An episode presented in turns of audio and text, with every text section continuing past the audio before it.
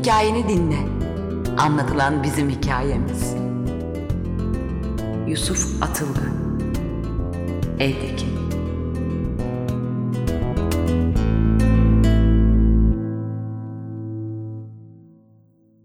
Bugün karşı arsaya yığılı kalasları kaldırdılar. Kocaman kamyonlar onca kalası iki saat içinde aldı gitti. Hiç ayrılmadım pencereden. Annem bir iki kere ne oturuyorsun ortalık süpürülecek dedi. Aldırmadım. On yıl önceki arsayı düşündüm durdum. Okul dönüşü bu pencereden top oynayan çocuklara bakardım. Kız, koca mı arıyorsun orada? derdi annem. Utanırdım. On yıl önce annemi de severdim. Hem böyle kasabanın insanlarından korkmazdım. Ben de onlar gibiydim. Erkeklerin yanında uslu uslu oturur, kadınların dedikodusunu dinlerdim. Okulu bitirdiğim yıl karşıya kalasları yığdılar. Arsa sesini yitirdi. Pencereden hep o kalasları gördüm yıllarca. Kışın üstlerine kar yağdı, yazın güneşte esmer esmer yandılar. Bugün kaldırdılar onları. Şimdi içimde bir umut var. Top oynamaya gelecek çocukları bekliyorum.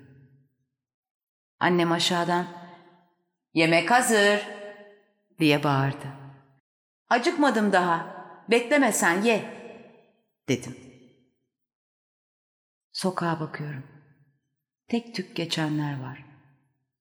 Çoğu kadın. Yüzleri asık, adımları sert. Bir yerden kavgadan geliyorlar ya da bir yere kavgaya gidiyorlar sanırsın. Kös kös yürüyorlar. Hepsi de kendine güvenen kişiler belli. Kusur bağışlayacak göz yok bunlarda. Üzülüyorum. İçimi bir korku kaplıyor. Şu tokmak gibi herif bizim sokakta oturan kasap değil mi? Öğle yemeğine geliyor olmalı. Kime bırakmış dükkanı? Yetişkin çırakları vardır elbet. Ceketi yamalı bir adama kemikli yerinden yarım kilo eti onlar yutturur şimdi. Bu adam namaz kılar mı acaba? Bir kadın geçiyor. Tanırım onu. Evleri bize yakın. Kocası bir bankada çalışıyormuş.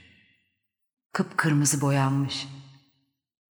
Neler söylüyorlar onun için şu komşu kadınlar. Ne kötü şeyler. İnanamıyorum onlara. Hep birbirini çekiştirirler. Gözleri ışıllar anlatırken. Onların yanındayken kalkıp gitmekten korkarım. Gider gitmez beni çekiştirecekler sanırım. İnanmıyorum onlara ama bu kadını da sevmiyorum. Çok konuşur. Ara sıra bize gelir. Bizimki dediği kocasını anlatırken bir bakışı vardır bana. Evlenmedin diye eğlenir gibi. Acır gibi bir bakış. Sinirlendirir beni. Yine de bir şey demem. Anlamamış gibi dururum. O boyuna konuşur. Müdürlere gitmişler geçende. Bir kızları var kardeş. Bu kadar da olur mu? Neredeyse kucağına oturacak bizimkini. O kadına da acırım ben, şu kadına da, kendime de. Neden bu daracık kasabadayız biz? Yoksa bütün dünya böyle mi? Kitapların dediği yalan mı? Kapı açıldı.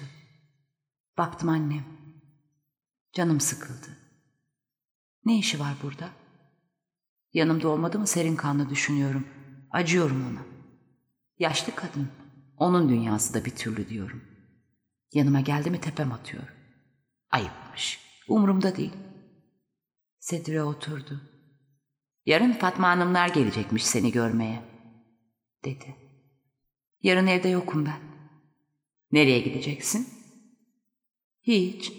Ama yokum evde çıkamam. Kaç kere söyledim sana evlenmek istemiyorum ben. El alem ne diyor biliyor musun? Eksiği var onun diyor. Ne derlerse desinler. İstemiyorum kaçıncı bu. Üstüme varma benim. Kaçarım bak.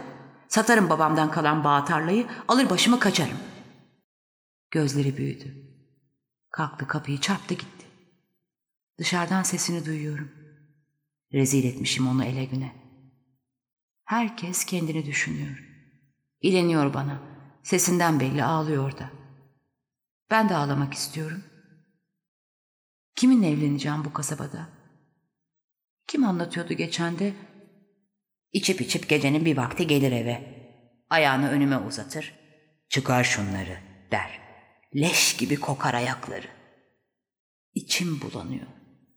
Nasıl yatılır böyle bir adamla? Sokak kapısı açılıp kapandı. Eğildim baktım, annem. Kim bilir hangi koca karıya gidiyor. Yakınacak benden, içini dökecek, rahatlayacak. Bense hep burada kalacağım kendi kendimle. İnsan kendine acır mı? Ben acıyorum. Kalktım aşağı indim. Ayak yoluna girdim. Çıkınca mutfakta ellerimi sabunladım. Yemek dolabında taze baklayla pilav var. Bir tabakta yoğurt. Yoğurtla pilav yedim biraz. Pilav soğumuş. Olsun. Soğuğunu severim ben. Sonra yine odama çıktım. Şimdi daha yiyeceğim. Dolaptan bir kitap aldım. Sedire uzandım. İlk yaprakta dayımın adı yazılı. Çoğu onun bu kitapların. Bana verdi. İki yıl İngiltere'de okumuş. Bana İngilizce öğretirdi. Severdi beni. Kız, erkek olsaydın seni oraya yollardım, derdi. Babamı hiç bilmiyorum. Dayım da liseyi bitirdiğim yıl öldü. Zaten her şey o yıl olmadı mı? Kalaslar bile o yıl geldi arsaya. Nice sonra kapı çalındı. Kitabı kapayıp kalktım. Ayaklarım uyuşmuş. Annem anahtarı mı unuttu acaba? Basamaklardan ağır ağır indim. Necati mi yoksa? Ara sıra gelir İngilizce ödevlerini yaptırır. Kapıyı açtım. Oymuş. Dümdüz taramış saçlarını. Sarı yüzünde hep o ergenlikler. Nasılsın abla? dedi. İyiyim, girsene. Girdi. Kapıyı kapadım. Halam nerede? diye sordu. Bilmem, komşuya geçmiştir. Dayımın oğlu bu Necati. Babasından öğrendiğimi oğluna satıyorum. Yukarı çıktık. Sakal tıraşı da mı oluyor ne? Kötü kötü kokuyor. Baktım burun kanatları oynuyor, kokluyor. Bu oda evde kalmış kıza kokar sanırım. Alışmışım ben. Duymuyorum. Masanın önünde oturdum. Otursana dedim. Karşıma oturdu. Kitabını defterini masaya koydu. Bu yıl sık sık geliyor bize Necati. Eskiden pek uğramazdı. Hem üstünde bir sıkılganlık. Odaya girince hem seviniyor hem utanıyor gibi. Ödev mi var? dedim. Evet, dedi. Kitaba uzandı. Biliyor musun? Karşı arsadan kalasları taşıdılar. Eskiden çocuklar top oynardı orada, dedim. Sahi, dedi. O yana baktı. Söyleyeyim arkadaşlara, biz de gelir oynarız. Kitabı defteri açtı, çalışmaya başladık. Ben okurken farkındaydım, dinlemiyor pek. Şurama burama bakıyor. En çoğu da göğsüme. Alt dudağı ağır ağır sarkıyor. Hele gözlerindeki bulaşık bakış. Bu mu istek dedikleri? Kitabı uzattım. Şimdi sen oku bakalım, dedim. Toplandı. Önce dudağa geldi yerine ama gözlerindeki o o bulaşıklık güç arındı. Okuması kötü değil. Ben gözlerine bakıyorum. Yeşil. Yeşil ya. Çipil bir yeşil bu. Tatsız. Nasıl denir? İşte kurbağa yeşili. Soğuk. Ergenlikleri de var. İnce keskin dudakları. Ne çirkin çocuk. Çirkin ama bir çocuk körpeliği var onda. Ya da bir genç erkek duyarlılığı. Bacağımı ondan yana uzatsam diyorum. Uzattım. Kıpırdarken dizi bacağıma süründü. Bir kelimeyi yanlış okudu. İyi bak o kelimeye dedim. Düzeltti. Yüzüne kan çıkıyor. Şimdi kalksam arkasına geçsem, kitaba eğilsem, göğsümü sırtına bastırsam kıpırdayamıyorum. Ağır bir hava var odada. Oysa ilk yaz daha bungun, ağır, sıkıntılı bir hava. Necati hep okuyor kurbağa sesi gibi. Nasıl da benziyor kurbağaya.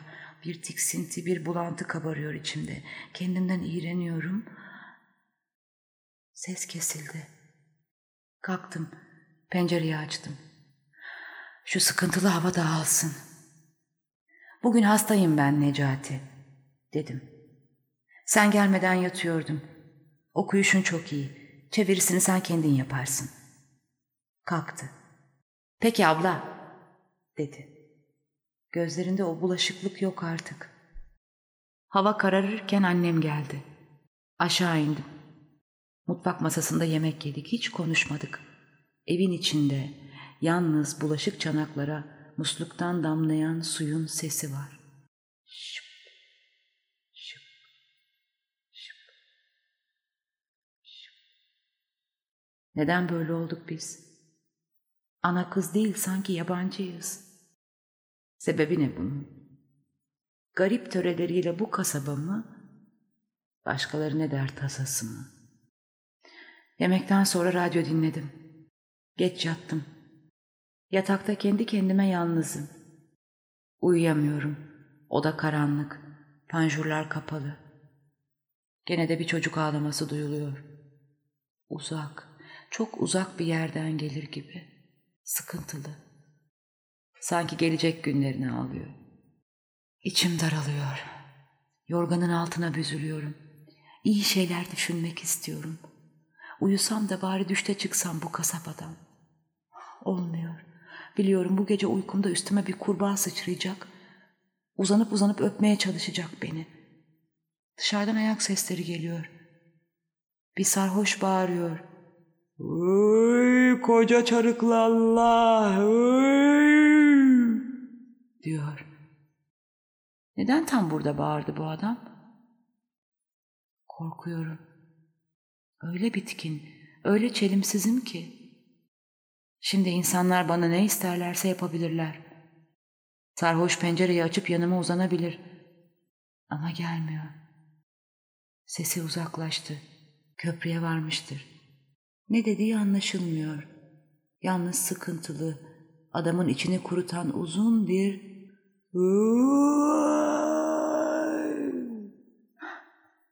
sesi duyuluyor.